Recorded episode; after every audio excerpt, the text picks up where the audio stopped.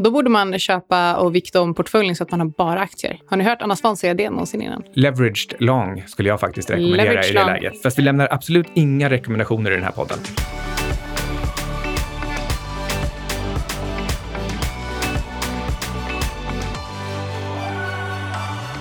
Hej! Du lyssnar på Outsiders med Syding och Svan.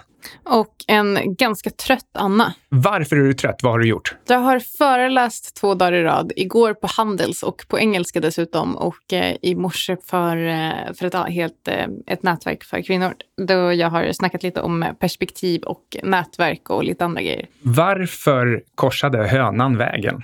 Det beror på vem du frågar. Eh, och ehm, det är nämligen så här att det finns en... Eh, va, vad är det han är professor i? Han är professor i väldigt många saker. Robert Sapolsky. Är det antropologi? Ja, men det är han... eh, Psykologi? Ja, och typ neurovetenskap. han har så många olika titlar. Sak som, han har skrivit en bok som heter Behave och det här är en av mina favoritböcker. Den går igenom eh, neurovetenskapligt hur hjärnan fungerar och sen förklarar han eh, med hjälp av det varför vi beter oss på olika sätt. Och ehm, i ett av de eh, första kapitlen så pratar han just om vikten av att vara mottaglig för andras perspektiv. Och det gör han genom att ställa frågan “Why did the chicken cross the road?” Och då frågar han typ någon som jobbar med biologi som säger att ah, men det stod en tupp på andra sidan vägen och eh, det triggade någon hormonförändring som gjorde att eh, hönan eh, passerade vägen för att komma över till tuppen. Och eh, de frågade någon som kanske höll på med eh, bioteknik eller någonting och de sa, och då kanske de sa något i stil med att ah, men, eh, hönan har ett ben i knät som gör det möjligt för henne att eh, röra ena benet framför det andra och eh, så kunde hon korsa vägen. Men om du frågar hönan själv så Hönan alltså? Ja. just det. Ja. då säger hon för att jag ville gå över vägen. Och det här är liksom olika svar på samma fråga och alla svar är korrekta. Och det här tycker jag är ganska, ganska intressant för då kan man koppla det till en annan professor vid Stanford som heter Tina Seelig som funderar lite på varför vissa människor har mer tur än andra. Och eh, då pratar hon om eh, eh, Eh, egentligen att man måste förändra sin relation till nya idéer. Och när vi får en idé presenterad för oss så brukar vi ofta säga det var en jättebra idé eller det var en jättedålig idé. Så vi dömer de här idéerna. Och idéer är egentligen varken bra eller dåliga. Och det vi egentligen ska, det egentligen vi ska fråga oss när vi får en idé presenterad för oss, istället för att försöka döma den här och värdera den, så ska vi ställa oss frågan varför personen på andra sidan kom fram till den här idén från början. Och det får mig att tänka på en poet som heter John König som har skrivit någonting som heter The Dictionary of Obscure Sorrows. Här har han egentligen eh, namngett 700 känslor. En av de här känslorna är okulism. Och okulism betyder, och nu ska jag bara citera, the awareness of the smallness of your perspective by which you couldn't possibly draw any meaningful conclusion at all about the world or the past or the complexities of culture. Förutom att jag tycker att det är ett eh, fantastiskt vackert ord så tycker jag att det säger ganska mycket om också hur dåliga vi människor är på att strunta i att värdera saker och bara se, se saker och ting för vad det är istället. Och eh, istället för att stänga ute möjligheter så borde vi vara lite mer öppna för andra människors perspektiv. Så därför är jag lite trött, för jag har stått på scen och pratat om det här i två dagar. Och det du trycker på i det här begreppet okiolism, det är alltså just det här att man är ju fast i sitt perspektiv. Man är fast i sin låda. Confirmation bias, lite som när jag pratar om centralbanker. Och, eh, But it's not confirmation bias if I'm right. men, men när man lyckas vidga sitt perspektiv, till exempel genom att vara öppen för att idéer inte är bra eller dåliga, utan bara idéer, det är då man kan få den här, det här uppvaknandet som när du säger att hönan sa, ja men det var för att jag ville. Exakt. Så bara avslutningsvis. Eh, när någon säger någonting till dig och du kanske inte håller med. Istället för att bara låsa dig och bestämma dig för att personen på andra sidan har fel. Fråga dig istället vilken typ av livserfarenheter och kunskap är det som gör att den här personen på andra sidan har kommit fram till den här slutsatsen. Det är mycket mer intressant än att eh, säga att det här är bra eller det här är dåligt. Vi kommer prata om perspektiv och kanske också huruvida det här med index och indexfonder är en bra eller dålig idé. Men eh, först kanske vi ska tacka Alex Marton som är tillbaka och klipper podden. Vår älskade ljudkonstnär, vi har saknat dig. Äntligen någon som kan tvätta ljudet på riktigt. Så mycket ni kunde återgå till att vara pensionär igen. Jag gick in på NK igår för att uh, göra min uh, vanliga runda till Karen Millens avdelning. Jag tycker att de har skitfina damkläder. Jag handlar ganska mycket där. Men uh, det, svenska, det svenska bolaget har gått i konkurs. Så det var utförsäljning på exakt allt. Och nu undrar jag vad fan jag ska klä mig i de kommande åren. Ja, vad ska du klä dig? I och för sig, du, du hittade ju faktiskt lite grejer, för det var, men det var extrem rea. Ja, det var typ gratis som sagt, jag undrar nu, vad, vad ska jag klä mig i nästa år och året efter det? För Karen Millen har verkligen varit eh, min go-to-store om man tittar på ehm, fysiska butiker. Jag tror att du får köpa kläder på Best Secret. Och det passar ju bra, för vi är ju faktiskt sponsrade av Best Secret den här veckan också. Ja, jag har ju bland annat köpt en riktigt snygg t-shirt från Calvin Klein och ett par shorts. Och de var faktiskt så billiga att jag törs inte berätta vilket märke det var, för eh, de vill ju faktiskt vara hemliga. Du köpte ett par skor också. Jag köpte någon eh, grön sidenblus, eh, byxor från Escada, ett par andra vita byxor och eh, något mer. Och eh, in och kollar en hel del. De har ganska mycket snygga grejer. Det låter ju som att vi shoppar hur mycket som helst, men det blir ju lätt så när det är 20 till 80 procents rabatt på precis allt. Precis, och där kan du hitta märken som Michael Kors, Max Mara och Guess till exempel. Och vill man se vilka andra märken man också kan finna måste man få en rekommendation av en medlem eller en samar samarbetspartners som eh, vi. Vem kan det vara? Ja, precis. Vi på Outsiders. Då går man in på bestsecret.se outsiders. Du måste alltså göra det här för att få tillgång till, eh, till de här rabatterna och för att ens kunna handla på Best Secret. Det gäller byxor, skor, jackor, t-shirts, alltså precis allting och som sagt upp till 80% rabatt. Man kan väl påpeka också att det är faktiskt helt nya fräscha modeller som gäller, så det är inga kollektioner som är äldre än ett år. Så det är årets och till viss del förra årets eh, kollektioner som säljs. Vi eh, kommer lägga med den här länken i veckobrevet Insiders. Så glöm inte alltså att det är 20-80% rabatt på precis allt och eh, jag är supernöjd hittills och eh, misstänker att jag kommer handla ännu mer där nu eftersom Karen Millen försvinner. Mm, gå in och köp någonting direkt nu innan hösten slår till. Så gå in på bestsecret.se outsiders. Tack, Best Secret. Eh, och innan vi också drar igång så vill vi tacka vår partner Trine. Som, eh, det är inte första gången vi har med dem i podden, utan de har ju faktiskt hängt med ett tag. Så vad gör Trine, Micke? Det här är alltså ett sätt att investera i specifika projekt för eh, solcellsenergi i Afrika. Precis. Så för den som är intresserad av att investera i förnybar energi och samtidigt också hjälpa företagandet i Afrika så kan man gå in på www.jointrine.com. Okej, så eh, idag ska vi alltså prata om vad vi får kalla för indexbubblan. Och det här är inspirerat av en intervju med Michael Burry. Vi kommer väl strax berätta eh, vad han har gjort och vem han är också. Eh, jag kan lägga in en liten teaser att jag tänkte ta upp ett nytt favoritord, pseudomatchning. Pseudomatchning. Okay. Det kommer vara en, en, en viktig, faktiskt, en riktigt viktig faktor i hela det här och som kanske kan förskjuta folks perspektiv på hur farligt det här faktiskt är. Skulle vi kunna köra en pseudomatchning-bingo? Alex, kan du lägga in det? Varje gång Micke säger pseudomatchning så kan du väl lägga in en liten pling? Ja, kul. Men så vi ska prata om indexbubblan. Vi kommer prata om vad den är, hur den kan sluta och förstås, vad kan man göra? Precis, så det vi ska göra egentligen, vi ska dissekera den här intervjun som Michael Burry har gjort med eh, Bloomberg. Men innan vi gör det, vem är han och eh, varför bör vi lyssna på hans perspektiv på den här frågan?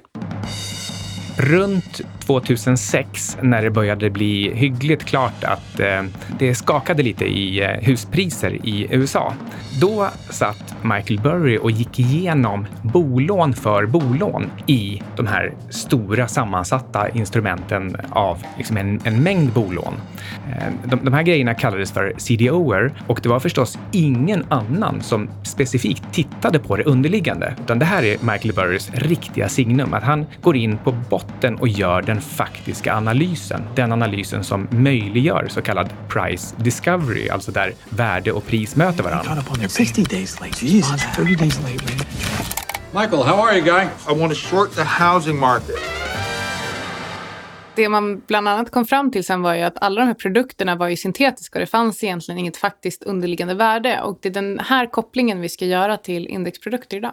Precis, och Burry har gjort samma sak igen kan man säga. När ingen funderar på hur de här indexprodukterna egentligen fungerar eller på vilket sätt de har förvridit prissättningen på marknaden, ja, då går han in till själva det, det underliggande. Vad händer när en indexfond får ett passivt inflöde av pengar och sen passivt köper alla bolag i indexet? Och särskilt om den underliggande likviditeten inte är särskilt hög. Och vad som händer är att de pressar upp priserna, alltså själv, värderingen i förhållande till det underliggande värdet.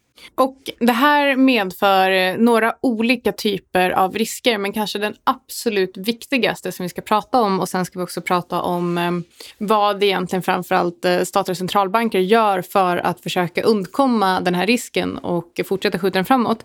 Så om vi ska prata om den första risken så är det egentligen likviditetsrisk, eller hur mycket? Mm. Och eh, ett sätt att uttrycka det här på, det är hur mycket handlas egentligen i de bolag som ingår i de här indexerna. Så till exempel i i Russell 2000 som är ett eh, småbolagsindex och i Standard Poor 500 som då är det liksom allmänna världens största storbolagsindex, så är det så att om man, om man tittar på till exempel den nedre halvan på de här indexerna så har de väldigt liten praktisk likviditet. Alltså dagsomsättningen i de aktierna, det, det handlar om enstaka miljoner dollar för de, de tusen eh, minsta bolagen i Russell 2000. Och samtidigt så finns det indexprodukter på hundratals miljarder dollar underliggande, eller ovan, ovanpåliggande får man väl säga. um, och, uh, det här funkar ju jättebra så länge flödena går in, för då går aktierna upp och allting ser jättebra ut. Men skulle de här flödena bara vända neråt med, låt oss säga att man behöver sälja en eller två procent, eller för den skull 10 eller 20 procent av indexet, vilket faktiskt inte är jättekonstigt om det kommer utflöden eller annan typ av, av forcerad försäljning då är det väldigt många dagsvolymer som ska omsättas. Ja, och det här medför egentligen att det blir en extrem hävstång eh, på, på de här syntetiska ETFerna. Och det här är alltså produkter som, eh, som folk säljer, eller som banker och så säljer till oss med argumentet det är låg avgift och därför ska du ha dem. Och så, ta, och så kan man bara ta hänsyn till det istället för faktiskt den underliggande risken. Men problemet är ju att den stora hävstångsrisken ligger egentligen på nedsidan men inte alls på samma sätt på uppsidan. Nej, och eh, det finns ännu ett steg i det här som är riktigt, riktigt illa. Och det är eftersom man redan vet att likviditeten är för dålig så genomför man så kallad pseudomatchning. Bing! Där eh, man alltså använder olika typer av syntetiska instrument, alltså derivat. Eh, vi har pratat om pappersguld förut och, i det här fallet så är det, det en slags... papperspapper på aktier. ja, papperspapper. och eh, eh, det gör man för att man inte vill göra affärerna faktiskt i marknaden, utan istället så säger man till någon annan att kan inte du ta risken för att det går upp eller ner och så tar jag den andra sidan av risken och då har vi ju fått ett, eh, då har vi eh, eh, tagit hand om inflödet i fonden. Exakt, och det här kallar Michael Burry för the dirty secret of passive index funds. Och det är verkligen en, eh, en riktigt dirty secret. Och eh, ja, ordet eh, pseudomatchning tycker jag alla ska lägga på minnet. För det, det innebär ju alltså att det sker inte riktiga affärer på marknaden när det är inflöden och utflöden ur ETFerna, utan man, man bara låtsas. Det är alltså en falsk matchning, en pseudomatchning. Men hur eh, slutar då hela den här situationen? Vad är nästa steg eller vändpunkten? Och man kan väl konstatera så här mycket att när man börjar titta på det här och ser farorna, då förstår jag varför centralbankerna har gjort som de har gjort i tio år. För vid varje nytt vägskäl så vet de att vi kan inte låta det här rulla över nu, för det blir ju fullständig katastrof. Det är därför de har köpt och köpt och köpt i tio år.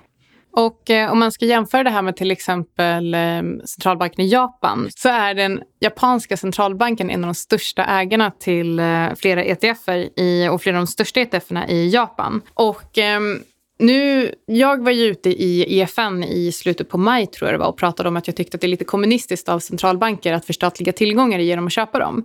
Men det de egentligen gör och anledningen till att de, till att de vill köpa framförallt börsen nu, för nu pratar ju ECB om att göra samma sak. Det är ju för att de är så rädda för att få dem, precis som du sa, ett utflöde på en eller två procent. Det kommer få en så extrem hävstång på nedsidan. Vad var det vi pratade om? Att det blir tio års omsättningar.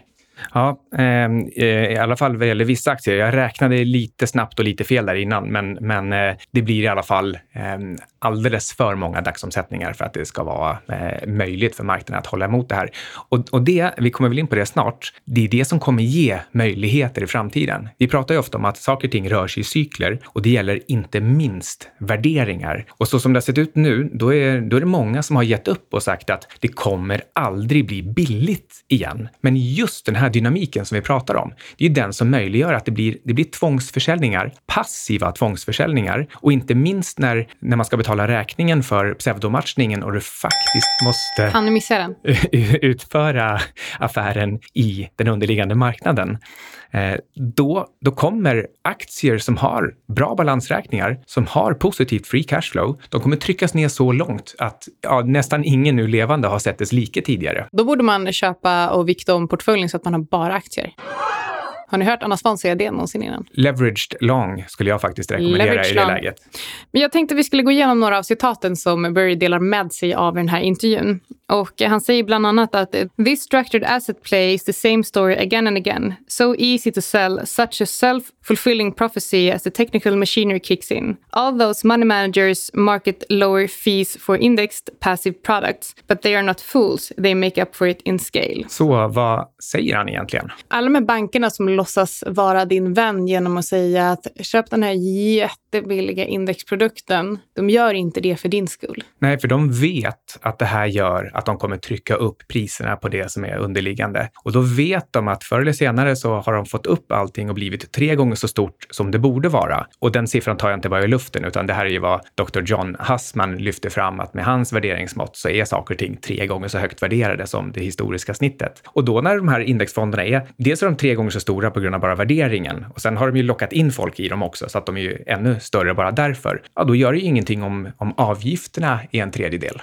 Nej, exakt. Och eh, så alla ni som, eh, som tycker att, men, att ni kanske har gjort en superbra affär för att ni bara investerar i indexprodukter. Det, det blir liksom, I slutändan så kan det vara så att ni har tagit mycket högre risk än vad som är nödvändigt. Och om det här är, om det här är en kris eller en risk som går att jämföra med eh, finanskrisen för tio år sedan, då är det verkligen läge att eh, faktiskt titta på alternativ. Och nu pratar vi faktiskt inte om alternativ till aktiemarknaden, för det finns alternativ på aktiemarknaden som inte drabbas av den här typen av eh, risk, eller hur? Ja, alltså de här grejerna de finns redan nu och det är framför allt inom aktier som inte ingår i index. Och det innebär att man ska leta bland small cap. Sen kan du definiera det lite hur du vill, men till exempel i Japan så är det så att av alla bolag som har mindre än en miljard dollar i market cap så eh, ska vi se, jag tror att det är hälften har under price book 1. Och det här är ju det vi ofta har lyft fram, eller jag i alla fall ofta har lyft fram, att det här är liksom ens heliga graal. Och du hittar någonting med pricebook under 1 som faktiskt tjänar pengar, som antingen eh, har redan ett bra kassaflöde eller där man tydligt kan se att det händer någonting i verksamheten som gör att det, att det är på väg att vända uppåt. Det är också så att, eh, nu ska vi se här, medianvärdet för Enterprise Value över Sales, alltså det är ett slags price sales-tal. För många verkstadsbolag så brukar man ha liksom en tumregel om ett ungefär och Atlas Copco brukar väl ligga på typ två. Men i Japan, det är alltså medianen, hälften av bolagen ligger under EV Sales 0,5 idag. Och jag antar att det här inte är eh, företag som ingår i stora index, eller? Nej, precis. Det här är ju de, de bolagen som har mindre än en miljard dollar i market cap, så de flesta ingår inte i något, något särskilt index. Men man måste ju ändå som alltid göra sin egen hemläxa och kolla vilka, i och med att det, vi vet ju att det finns ju många fler index än det finns aktier. Så det finns nästan alltid något index där, där aktier ingår på något sätt. Jag har en liten fråga, eh, för det bara slog mig nu. För att om de inte ingår i de här indexen och om japanska Japan, om Japans centralbank är den, eh, den största ägaren av de här ETFerna och därmed indirekt ägare av de här bolagen Vad är det som pekar på att eh, priset på de här undervärderade aktierna ska stiga i framtiden? Eh, kan det inte vara så att man faktiskt har ritat om kartan och att värde faktiskt inte längre kommer spela någon roll? Det bara slog mig nu, en fråga som jag vill kasta ut. För att även om du har EV-sales under ett, och jag tycker att ja, det är klart att det är billigt, men om, men om de nu är så billiga och har varit det ett tag och eh, vi ser liksom en förändring på hur ägandet ser ut och hur ägarfördelningen ser ut, Tror du att det kanske ändå är farligt att leta efter den typen av underprisade tillgångar? Eftersom jag kanske är galaxens kändaste utdelningsinvesterare så säger jag ett enda ord här och det är inte pseudomatchning utan det är utdelning. De här bolagen, om de har ett underliggande värde, om de har ett positivt free cashflow, om de har en stark balansräkning, då har de pengar att dela ut och det är där du kommer få din avkastning.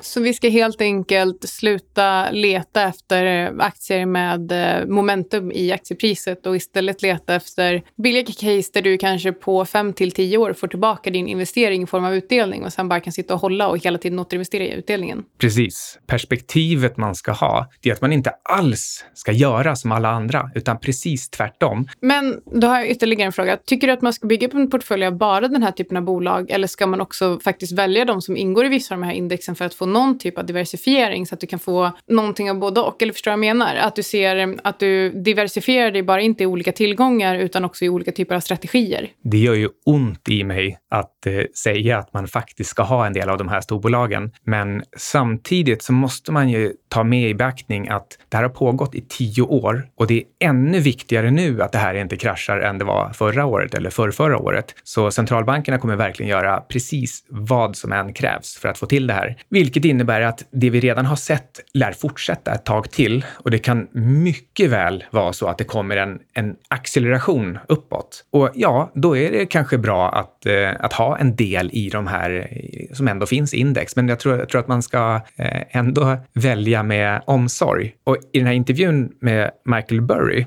då påpekar han faktiskt att just att Bank of Japan äger så mycket eh, av ETF-erna i Japan, det ger ett stöd för de stora japanska bolagen. För då vet vi redan att Japan kommer inte släppa dem. Ja, nej men det låter väl, det låter väl rimligt, även om det också gör ont i mig att säga att diversifiera i olika aktier. det är inte riktigt min, min filosofi. Men, eh, men ja, men för Michael Burry tar ju faktiskt upp ett case också. Ja, han nämner bolaget GameStop och det låter verkligen när man tittar på det som en, en klassisk contrarian och riktigt bra Michael Burry. GameStop är en fysisk retailer för eh, datorspel och då tycker man, jaha, men det är streaming som gäller nu och ja, och det är precis det som har tryckt ner aktien riktigt, riktigt ordentligt. Men som Michael Burry säger, nästa generations konsoler från Sony och Microsoft, de kommer inkludera eh, optiska eh, diskläsare för att spelen är så stora för den nya grafiken. Så det, det, det går inte att, att, att, streama de här eller ladda dem ännu. För att de, liksom nästa generation är ännu större. Och då sa jag, okej, okay, så det här är ett slags en övergångsperiodsbolag innan man har blivit tillräckligt duktig på att komprimera datan så att man faktiskt kan lagra den digitalt. Ja, det, det låter ju så nu, men eh, det kan ju mycket väl vara så att nästa generations spel blir ännu mer krävande, för det blir exponentiellt mer krävande varje gång du ska förbättra grafiken eller 3D eller renderingen av vad det nu än är för världar du skapar. Så det vet vi inte. Men, men det... nu förutsätter du att eh, den teknologiska utvecklingen i hårdvara är typ linjär till den digitala? Ja, Eller till mjukvaran? Ja, hårdvaran är eh, snabbare än, än mjukvaran kanske vi kan säga. Okej, okay, men då har du ju fel i din analys. Nej, men att... Eh, eh, ja, men okej, jag, jag, då, jag uttrycker mig slarvigt. Eh, vad jag menar är att spelen, ja, mjukvaran, eh, de blir så komplicerade att själva transporteringshårdvaran, alltså näten, inte hinner med. Då är jag med. Du hade rätt. Don't bullshit bullshit. Men vi ska säga en sak till om det här GameStop. Alltså för det första, alltså den har gått upp 50 procent den senaste månaden. Undrar varför. Men ja, precis, intervjun var för typ två, tre veckor sedan. Tre veckor sedan. Och eh, Um, men den ser fortfarande billig ut. Alltså det är verkligen så. Alltså folk har inte förstått vad det här är för någonting. Det är fortfarande ett extremt contrarian case. Och Michael Burry påpekar att 90 procent av de 5700 butikerna, de är free cash flow positiv. Och det är alltså innan den här nya generationen konsoler kommer som kommer trycka upp försäljning och ännu bättre free cash flow. Och det här är ju då, det här är förstås saker som folk inte tittar på, men det är ju bara Michael Burry som går in och tittar på butik för butik. Precis, men om man ska försöka koppla det här lite till, för vi vill inte att alla våra lyssnare ska rusa till GameStop och köpa den aktien. Jo, det vill vi. Nej, nej, det vill vi inte. Fast vi lämnar absolut inga rekommendationer i den här podden. Jag kan däremot säga att vi inte har den i vår portfölj, så kan man vara lika, lika tydlig med det. Men Aselio, de har precis släppt en spännande nyhet om ett nytt samarbetsavtal. Så jag ringde upp deras VD Jonas Eklind för att höra hur viktigt det här samarbetet egentligen är. Hej, Jonas Eklind, VD på Aselio. Du har precis skrivit på ett spännande avtal för Aselio med Masdar i Abu Dhabi. Vad gäller det här avtalet? Ja, det stämmer bra det. Vi har precis kommit överens med Masdar och Khalifa University om ett samarbete när det gäller dels utveckling men också test och verifiering av vårt system för energilagring. Och vad är det som är nytt med det här avtalet? Är det någon slags befintligt samarbete som har formaliserats eller är det någonting eh, fullständigt nytt? Ja, det är fullständigt nytt när det gäller Masta. Vi har ju tidigare haft ett forskningssamarbete med Khalifa University. Eh, och det nya här är ju att Masta kommer in som en part i det här och att vi också rent fysiskt kommer att bygga ett eh, verifieringsprojekt eh, ihop med Mazda och Khalifa University på, i Mazda City i Abu Dhabi. Och syftet med det här är givetvis att ge Mazda möjlighet att testa och verifiera vår teknologi. Och som målsättning i avtalet är ju att, att vår teknologi ska bli godkänd av Mazda för att kunna ingå i deras framtida eh, projekt inom förnybar energi. Vi har ju pratat tidigare om verifikationsprojekt eh, med det här Massen, eller Massen i Marocko. Och, där ska ju den första elen produceras eh, med ert system innan årsskiftet. Men vad tillför det här nya projektet då med, med Mastar jämfört med Massen? Ja, det är flera dimensioner i det här. Ska man titta på en total verifiering av, eh, av en teknologi så är det givetvis betydligt bättre att kunna göra det med två parter i två olika länder under två olika förhållanden. Det ger ju en, en helt annan styrka i verifieringen. Eh, sen är ju det, det, det, viktigaste för oss här det är ju helt enkelt att eh, vi gör det här ihop med Mastar som är en av världens största projektutvecklare Eh, Eh, och som är en otroligt intressant kund för oss därför att eh, eh, Mazda jobbar ju både med stora utility scale-projekt men också med små och medelstora projekt eh, som passar eh, klockrent ihop med vår teknologi. Eh, och det är ju en sak att, att man verifierar en teknologi för att få verifieringsdata så att man sen kan gå ut till, till potentiella kunder och potentiella finansiärer. I det här fallet är det ju Mastar själva som verifierat vår teknologi med syftet att den ska kunna ingå i deras kommande projekt inom förnybar energi. Eh, och det är ju till och med så att, att Mastar ägs av Mubadala som är en gigantisk finansiär av projekt inom förnybar energi. Så att man verifieringen här görs av den parten både som då ska bygga och finansiera kommande projekt med, med vår teknologi. När förväntas då konkreta resultat av det här projektet, det här Mastar-projektet? Ja, det är ju uppdelat i, i två faser här. Det, det, ena är ju att vi nu på en gång kommer bygga en, ett, första steg för att Mastar vill ju börja och så snabbt som möjligt förstå eh, teknologin för värme till el. Eh, och, och vi kommer, kommer omedelbart nu bygga en, en, enhet så att de kan börja jobba med det som inte har lager. Då. Och sen kommer vi första halvåret nästa år eh, sätta upp eh, ett projekt som inkluderar eh, kompletta projekt eller kompletta teknologin med inklusive energilagring. Hur påverkar det här avtalet den övriga tidplanen för kommersialisering av ert system? I vår tidplan så har vi ju haft ett sånt här samarbete som en, som en grund för, för den plan vi har här mot eh, industrialisering och eh, volymproduktion i juli 2021. Eh, så att alltså det här projektet med någon spännande partner har ju funnits i planen hela tiden. Eh, det som är extra kul här nu det är att vi egentligen har fått det här projektet med den mest, den mest spännande partner man, man kunde tänka sig. Eh, och det det bästa samarbete som man skulle kunna tänka sig. Ja, det låter fantastiskt spännande. Så jag får bara helt enkelt gratulera och tacka för idag. Ja, tack så mycket. Vi är sponsrade av Aselio. Men det vi vill försöka säga är att om du nu är intresserad av den svenska marknaden, leta upp bolag som, småbolag som ligger utanför eh, index, utanför listorna höll jag på att säga, men ut, som, inte, som inte ligger index och se om du kan hitta bra värdecase där du kan få en bra utdelning i framtiden. Det kan vara så att priserna på dem är ganska nedtryckta idag och eh, att det finns rätt bra potential. Ehm, så börja där. Börja med att sortera. Vad har gått sämst och ta reda på varför. Ja, vad gått sämst och vad har låg price book? Jag pratade i en annan podd just om det här att eh, the inefficient market hypothesis, den eh, bland annat pekar då åt att titta på det som faktiskt ser eh, liksom helt fel ut enligt effektiva marknadshypotesen. Om du hittar någonting med låg price book och positivt eller, eller till och med starkt free cash flow, då är det inte en falsk hundralapp på marken som du inte ska plocka upp, utan det kan mycket väl vara en riktig. Det är bara det att ingen annan tittar där för att bolaget är lite för litet, lite för illikvitt kanske och inte ingår i ett index och därför inte har något momentum. Så eh, glöm inte att också sortera på, eh, på just den typen av old school värderingsmultiplar. Får jag säga en sak till om GameStop? Snabbt. De har ett kvarstående återköpsprogram på halva market cap. Och som Burry säger, balansräkningen, den checkar. Den checkar. Så uh, de ska alltså köpa halva market cap. Ja, och eh, det kan ju också potentiellt göra en hel del för eh, aktiekursen. Men då har du lyssnat på... Outsiders. Med Syring och Svan.